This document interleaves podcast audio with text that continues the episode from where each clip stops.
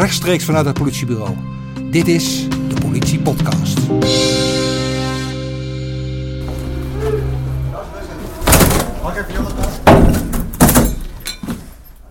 Ja, zo klonk dat vanmorgen in Nieuwegein. Welkom bij de Politie Podcast. Goed dat je luistert. Deuren die werden opengebroken, vier aanhoudingen en invallen in meerdere bedrijfspanden bij bedrijventerrein Ravenswade in Nieuwegein was dat dus. Vanmorgen werd een groothandel voor hennepteelt benodigdheden door de politie stilgelegd. In deze podcast hoor je woordvoerder Bernard Jens over de actie vanmorgen, maar we praten ook over het waarom. Waarom is het zo belangrijk dat de grootschalige hennepteelt via dit bedrijf wordt aangepakt? En wat voor wereld zit er eigenlijk achter die hennepteelt? Maar eerst naar vanmorgen. Vlak na de inval sprak ik over de eerste resultaten met politiewoordvoerder Bernard Jens. We hebben invallen gedaan bij uh, twee bedrijven, maar in verschillende loodsen die bij bedrijven horen. En uh, die bedrijven die worden uh, verdacht van als toeleverancier te zijn voor de hennepteelt en de growshops voor een groot deel in Nederland. Er was hier wat activiteit van politie. Wat, wat, wat was daarvan te zien? Nou, er is hier vanmorgen veel politie aanwezig, want al die panden die moesten opengemaakt worden. Uiteindelijk zijn we hier naar binnen gegaan, hebben we ook vier personen aangehouden. Die worden dus verdacht van het leiden van een bedrijf die zich bezighoudt met de toeleverancier van zeg maar, de grote hennepteelt in Nederland. We staan hier midden tussen de stellingkasten. Uh, als ik zo om me heen kijk, zie ik vooral heel veel um, plantenvoeding. Ik zag net wat kweekkasten, ik zie ventilatoren hier.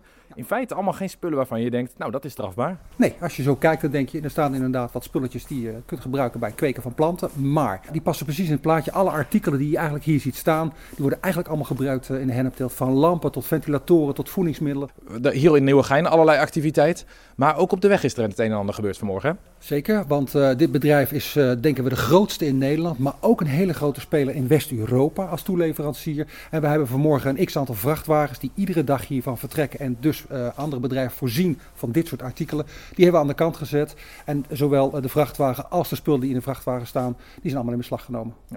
Er waren hier vanmorgen ook gewoon mensen aan het werk in dit, dit pand. Mensen in, in de magazijnen, vrachtwagenchauffeurs. wat is er met hen gebeurd? Ja, die mensen zijn allemaal even in het bedrijf uh, gehouden en, en, die worden stuk voor stuk uh, gehoord door mensen van de, de, politie om te vragen, ja, wat gebeurt hier? Wat is jouw rol hier uh, binnen het bedrijf? En uiteindelijk als dat gebeurd is, zullen de meeste mensen weer gewoon naar huis gestuurd worden. Ja. En er zijn ook aanhoudingen gedaan. Wat voor mensen zijn dat dan die, daar, die er zijn aangehouden? vier mensen hebben aangehouden en zij worden echt wel verdacht dat zij de grootschalige hennepteelt in Nederland, maar ook in West-Europa, ja, mogelijk maken. Bernard Jens was dat vanmorgen over de inval in Nieuwegein. Johan van Hartskamp is hoofd van de dienst regionale recherche en hij legt uit waarom de aanpak van dit bedrijf zo belangrijk is. Nou, wat je ziet met zo'n bedrijf is dat het gewoon onderdeel is van de hennepteelt en wel de illegale hennepteelt. En de illegale hennepteelt is weer een onderdeel van de drugs- en drugshandel in Nederland en dat is een groot probleem. Wat, wat zijn de problemen dan die we daarvan zien? Nou, wat je ziet is dat het, als het gaat om de drugshandel, er gewoon veel gevaren voor de burger aan zitten. Um, uh, als je kijkt naar die gevaren, dan kun je praten over de volksgezondheid. Het gebruik is gewoon slecht voor, uh, voor de individuele mens. Um, uh, twee, als je kijkt naar hennepteelt, dan zien we ook vaak illegale um, kwekerijen in panden, in woningen. groot brandgevaar. dat is ook een, een, gevaarlijk effect. En echt als last but not least, wat ook gevaarlijk is, is dat je binnen die drugsscene de, de, het extreme geweld ziet. Uitwassen van echt geweld. Liquidaties uh, zijn bijna aan de orde van de dag. Het onderlinge geweld. Je zal er maar naast staan en omheen staan als, uh, als burger. Um, is echt een groot gevaar. Vandaag bij de actie zien we dan vooral politieactiviteit. Maar het is niet alleen de politie die hier achteraan zit, hè? Nee, zeker niet. Als politie kunnen we dat niet alleen. Dit is gewoon een maatschappelijk probleem die we met z'n allen en dus ook als overheid samen moeten aanpakken. En je ziet dat hier ook gebeuren. Kijk, als politie zijn we goed in het boeven vangen. Dat doen we ook. Hè. We brengen samen met het Openbaar Ministerie mensen voor de rechter, uh, die uiteindelijk opgesloten moeten worden. Maar in dit soort casuïstiek, in dit soort gevallen, um, uh, heeft ook de gemeente zijn bijdrage. Die kunnen panden sluiten. Um, um, wij kunnen afpakken met z'n allen. Dus we moeten het echt samen doen. Gemeente, politie, belastingdienst, één overheid. Johan van Hartskamp was dat. En daar valt ook de term ondermijning weer. Een nogal abstract woord, maar de komende jaren een erg belangrijk thema in de aanpak van criminaliteit. Wat ondermijning precies is, dat weet mijn collega Barbara Banning. Zij is bij het Regionaal Informatie- en Expertisecentrum actief in de aanpak van ondermijning. Barbara Banning, welkom in de Politie Podcast. Ja, dankjewel. Als ik jouw rol zou willen omschrijven bij de politie, dan is het misschien uh, de beste omschrijving, maar uh, chef ondermijning voor het oosten van de, uh, van de provincie Utrecht eigenlijk. Je bent accountmanager als het gaat om ondermijning. Ja, misschien kun je het beste zelf uitleggen hoe, hoe die constructie in elkaar zit. Ja, ik ben werkzaam bij de politie, maar ik ben gedetacheerd naar een soort samenwerkingsverband in de aanpak van ondermijning. Um, en daar doen we eigenlijk van alles om de ondermijningsaanpak te verstevigen. We gaan het over ondermijning hebben in dit gesprek. En dat is zo'n term die hoor je heel vaak. Uh, maar wat bedoelen we er nou precies mee? Soms hoor je allerlei uitleggen die dan wel weer op elkaar lijken, maar toch weer net anders zijn. Ja, jij zou het moeten weten. Wat is het nou, ondermijning? Ja, dat is echt een van de moeilijkste vragen die je zou kunnen stellen. Wat is ondermijning nou precies? Maar een van de definities die best wel vaak wordt gebruikt is georganiseerde criminaliteit dichtbij. Dus dat betekent, uh, vroeger dachten we dat georganiseerde criminaliteit misschien ver weg zat. Uh, dus uh, in de grote steden of door de grote boeven. maar ondermijning gaat ook over zeg maar dat het zomaar zou kunnen zijn dat je buurman of je sportschool er, een bepaalde rol in heeft. Um, dus dat is een definitie die ik best wel goed te gebruiken vind. Uh, en er zijn een aantal elementen als het gaat over ondermijning. Um, er wordt bijvoorbeeld heel veel geld in verdiend. Er zijn een aantal thema's te noemen. Uh, drugshandel is er één, mensenhandel is er één, de criminele motorclubs is een thema. er gaat regelmatig veel geweld in om. dus de, de criminelen die, ja, die kunnen natuurlijk niet naar de rechter om gelijk te halen. Uh, maar die moeten uh, zeg maar, ja, de anderen uh, door middel van geweld of verdreigen met geweld weer zeg maar, nou ja, te overwegen om de goede dingen te doen. dus dat is een, dat is een onderdeel. Ehm, nou ja, misschien zijn dat wel de belangrijkste eigenlijk. Als ik jouw omschrijving dan hoor, dan, dan, klink, dan hoor ik toch de bekende thema's. Hè? mensenhandel bijvoorbeeld, of drugsgerelateerde zaken. Um, en tegelijk zeg je dan, je buurman zou er betrokken bij kunnen zijn. Dat voelt als een soort tegenstelling. Of, of misschien hangt er vanaf in welke buurt je woont. Maar um, hoe bedoel je dat dan? Dat het, dat het dichter bij je staat? Nou, er gaat uh, in ondermijning ontzettend veel geld om. Dus uh, er wordt heel veel geld mee uh, verdiend. En dat geld, de criminelen die willen dat geld weer op een legale manier in de economie stoppen. Het bekende witwassen. Ja, het bekende witwassen. en de criminelen hebben daar personen voor nodig, of bedrijven voor nodig, die in de bovenwereld uh, zeg maar normaal gewoon werken. Dus dat is ook uh, wat de ondermijning uh, specifiek maakt. wat we zeggen, en daar heb je vast wel eens van gehoord, de vermeng vermenging tussen onderwereld en bovenwereld. en die bovenwereld, um, dat zijn bijvoorbeeld um, horecagelegenheden waar nooit iemand komt, um, maar waar, waar, wel zeg maar gewoon een omzet wordt aangegeven bij de Belastingdienst. Dus het lijkt op papier alsof dat gewoon een, een horecazaak is. Maar in feite is dat een, een zaak met, met gesloten deuren haast. Zeker. Dus daar komt echt nooit iemand. Um, maar ze geven wel een omzet op. En op die manier wordt er dus inderdaad geld uh, witgewassen. En dat geldt voor horeca. Maar zo zijn er ook best wel wat winkels uh, uh, waarvoor hetzelfde geld... of voor, waarvoor hetzelfde valt te zeggen. Uh, en dat zou zomaar een winkel bij jou in de straat kunnen zijn. Iedereen heeft daar denk ik wel een bepaald voorbeeld voor als het gaat om het eigen dorp of de eigen stad of de eigen wijk. Uh, nou ja, als je dit hoort waarvan je dan denkt, oh ja, uh, dat zou bij mij ook zomaar eens kunnen zijn. Nou, nou we het er eens over hebben, hè, dan moet ik ook denken aan de oude klassieke gangsterfilms. En ja. noem de Godfather bijvoorbeeld, ja. waarin de grote maffiabaas ook een olijvenhandel heeft. Maar dat is niet zijn bedrijf. Uh, dat zit allemaal in de misdaad. En, en um, uh, ja, allerlei afpersingen, weet ik veel wat er allemaal aan de hand is. Maar uh, lijkt het dan op die, op die situatie dat je een bedrijf dus runt, min of meer... Um, en daar, voor, voor het oog van iedereen is dat je business, maar ondertussen doe je iets heel anders. Ja, dat is een van de onderdelen. Um, waarbij ik wel denk dat zeg maar, de echte grote criminelen in dit veld... dat zijn niet degenen die zelf de bedrijven runnen. Dus die hebben allemaal personen in dienst die dat voor ze doen. Uh, dus soms zien we bedrijfsstructuren met heel veel bedrijven...